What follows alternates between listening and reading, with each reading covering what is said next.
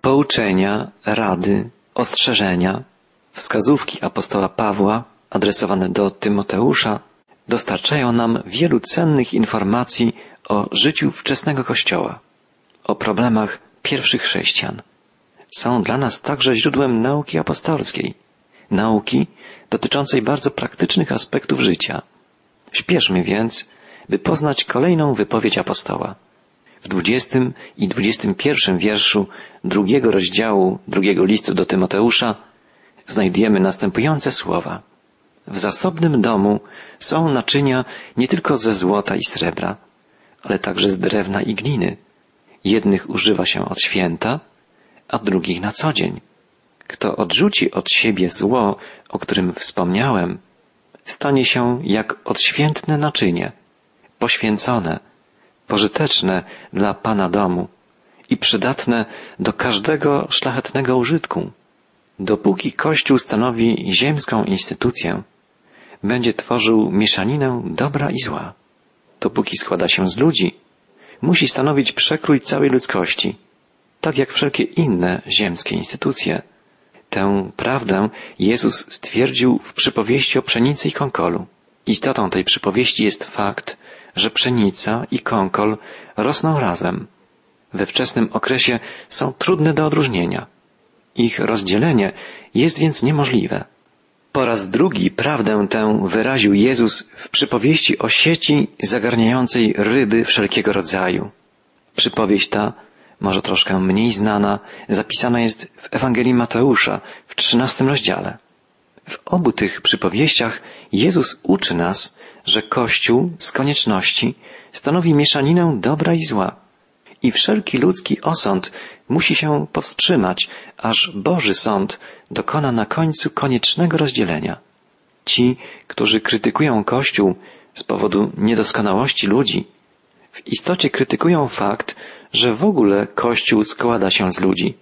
Sąd nie jest sprawą człowieka, lecz Boga. Jednak obowiązkiem każdego chrześcijanina jest walka ze złem. Jest zachowywanie siebie samego nieskalanym, czystym. Tak pisze apostoł w innych listach. Mamy unikać wpływów brudów tego świata. W tym zawarta jest istota chrześcijańskiej wiary i chrześcijańskiej służby. Człowiek naprawdę dobry nie uważa swej dobroci za pretendującą do szczególnych wyróżnień ale jego pragnieniem jest wykonanie większej ilości pracy. Jego praca staje się jego przywilejem, jego powołaniem.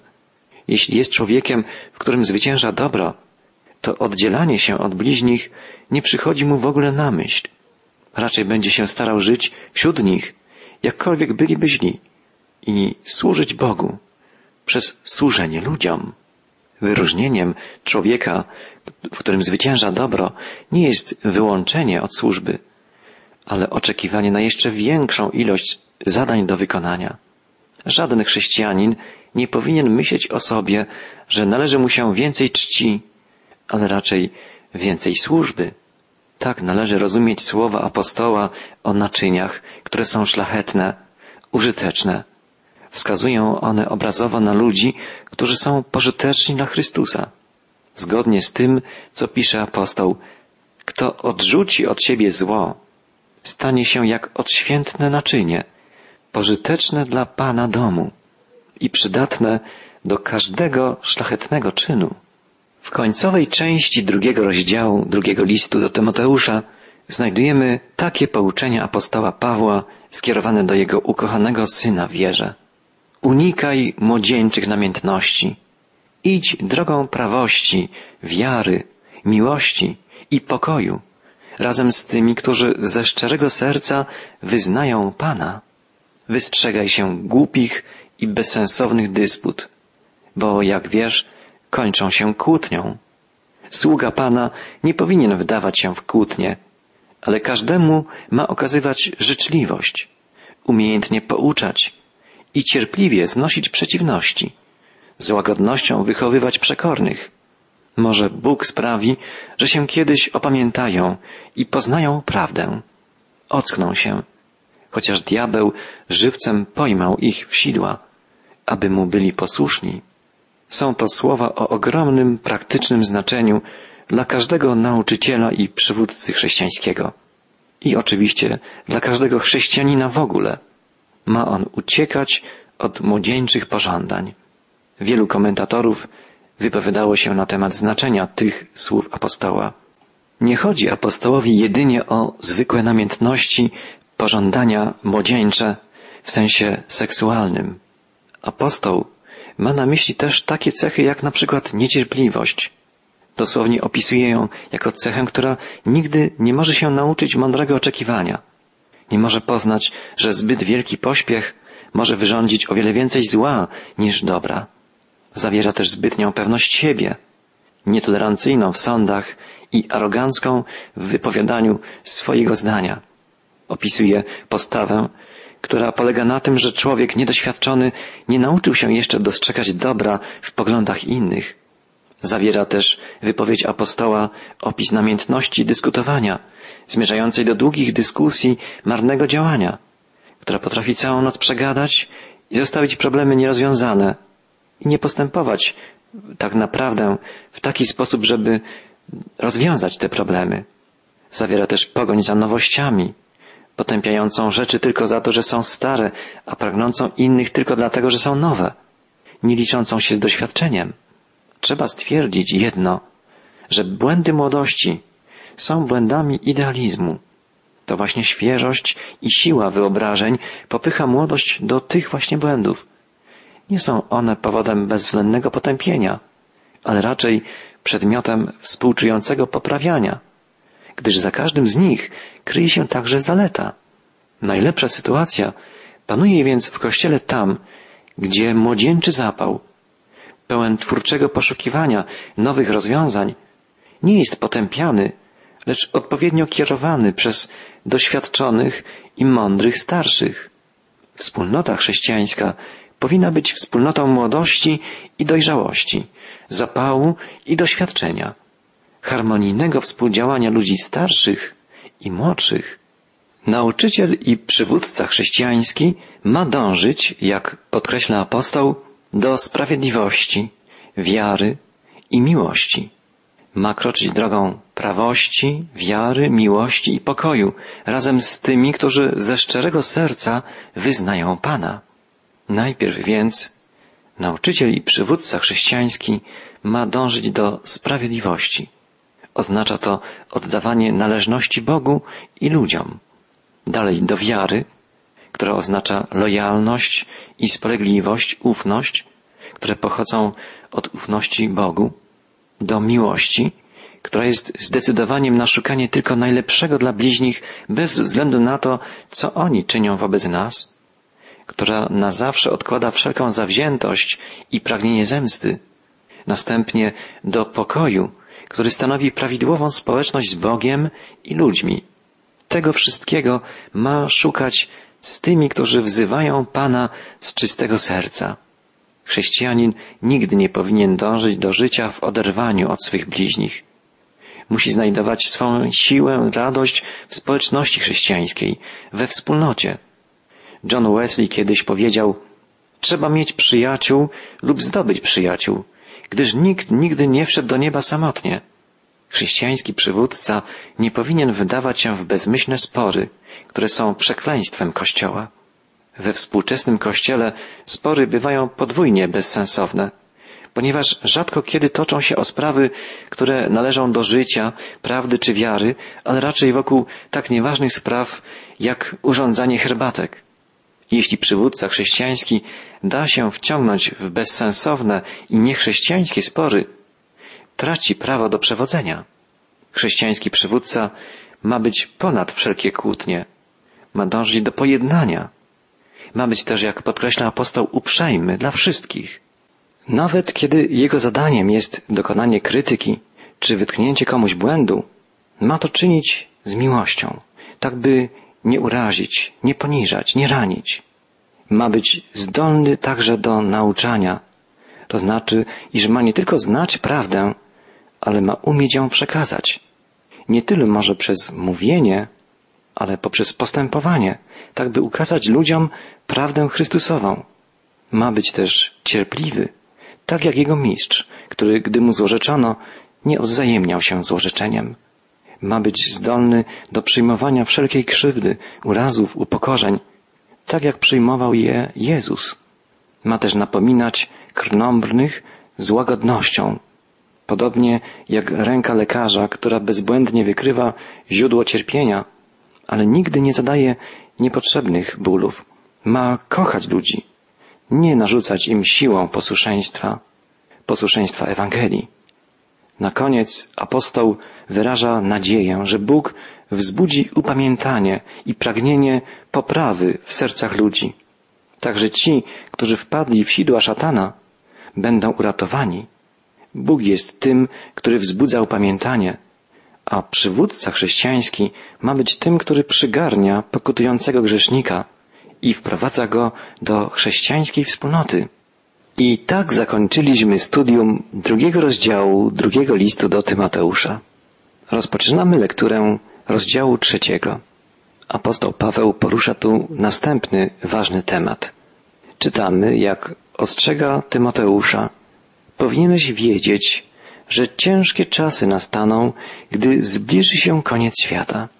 Ludzie będą wtedy samolubni, nieposłuszni rodzicom, niewdzięczni, bezbożni, bez serca, nieprzejednani, przewrotni, nieopanowani, okrutni, nienawidzący dobra, zdradzieccy, zuchwali, zżerani pychą, rozmiłowani bardziej w rozkoszach niż w Bogu, świętoszkowaci, ale nie święci.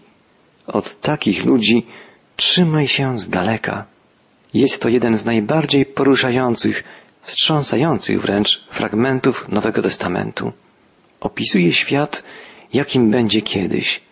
Znajdujemy tu przerażające cechy bezbożności, ułożone jak gdyby w upiorny łańcuch. Przyglądnijmy się poszczególnym ogniwom. Nie jest przypadkiem, że na początku czytamy o samolubnym życiu, o życiu człowieka, który jest skoncentrowany na sobie samym. Miłość własna jest grzechem podstawowym, z którego wypływają wszystkie inne. Z chwilą, gdy człowiek uczyni ośrodkiem swojego życia swoją własną osobę, ulegają zniszczeniu więzy z Bogiem i z ludźmi. Przekreślone zostaje posłuszeństwo Bogu. Miłosierdzie wobec ludzi okazuje się niemożliwe. Istota chrześcijaństwa nie polega na ukoronowaniu siebie samego, ale na wyrzeczeniu się własnej chwały. Dalej czytamy, iż ludzie będą miłośnikami pieniędzy. Nie zapominajmy, że miejscem, w którym przebywał Tymoteusz, było wielkie miasto Efes, prawdopodobnie największy rynek starożytnego świata. W tamtych dniach handel korzystał z dolin rzek, a Efes leżał u ujścia rzeki Kajster i kontrolował handel jednego z największych ośrodków na terenach Małej Azji. W Efezie spotykały się największe szlaki ówczesnego świata. Wielki szlak handlowy z Doliny Eufratu przebiegał obok Kolosów i Laodycei i wlewał bogactwa wschodu w nieckę Efezu. Inna droga biegła z północnej Azji Mniejszej i Galacji przez Sardy do Efezu, a z południa przybywał szlak skupiający handel Doliny Meandru. Efes zwany był skarbcem starożytnego świata albo targowiskiem próżności Azji Mniejszej. Niektórzy komentatorzy uważają, że Jan, autor Apokalipsy, miał na myśli właśnie Efes, gdy opisywał handel ludźmi.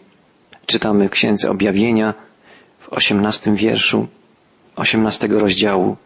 Towaru ze złota, srebra i drogich kamieni, i pereł, i bisioru, i purpury, i jedwabiu, i szkarłatu, i drzewa tujowego, i wyrobów z kości słoniowej, i sprzętu z najkosztowniejszego drzewa, i z miedzi, i z żelaza, i z marmuru, i cynamonu, i korzeni, i wonności, i kadzidła, miry, wina, oliwy, i najprzedniejszej mąki i pszenicy, i bydła, i owiec, i koni, i wozów, i niewolników, i życia ludzkiego. Tak, Efes był miastem kwitnącej dobrobytem cywilizacji materialistycznej, jak gdybyśmy to dzisiaj powiedzieli. Miastem, w którym tak łatwo było człowiekowi zgubić swoją duszę. Kiedy ludzie mierzą powodzenie materialnymi rzeczami, powstaje wielkie niebezpieczeństwo. Musimy pamiętać, że człowiek o wiele szybciej może zgubić swoją duszę w powodzeniu niż w trudach, przeciwnościach.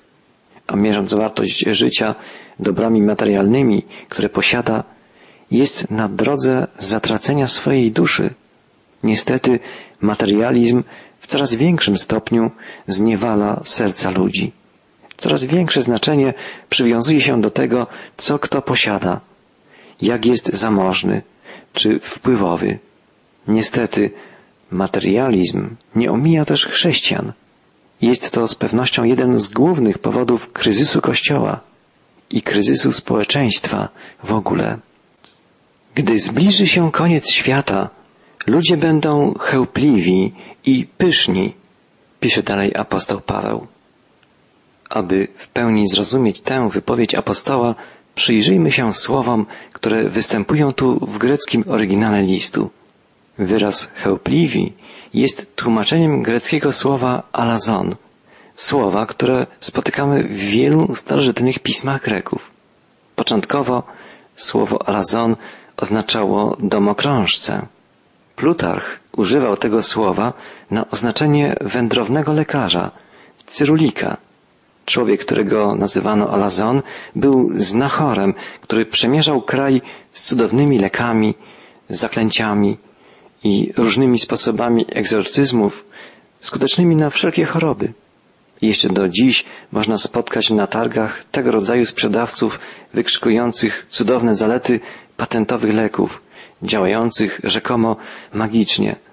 Później słowo to poszerzało swoje znaczenie, aż wreszcie objęło wszystkich ludzi chełpliwych, przechwalających się.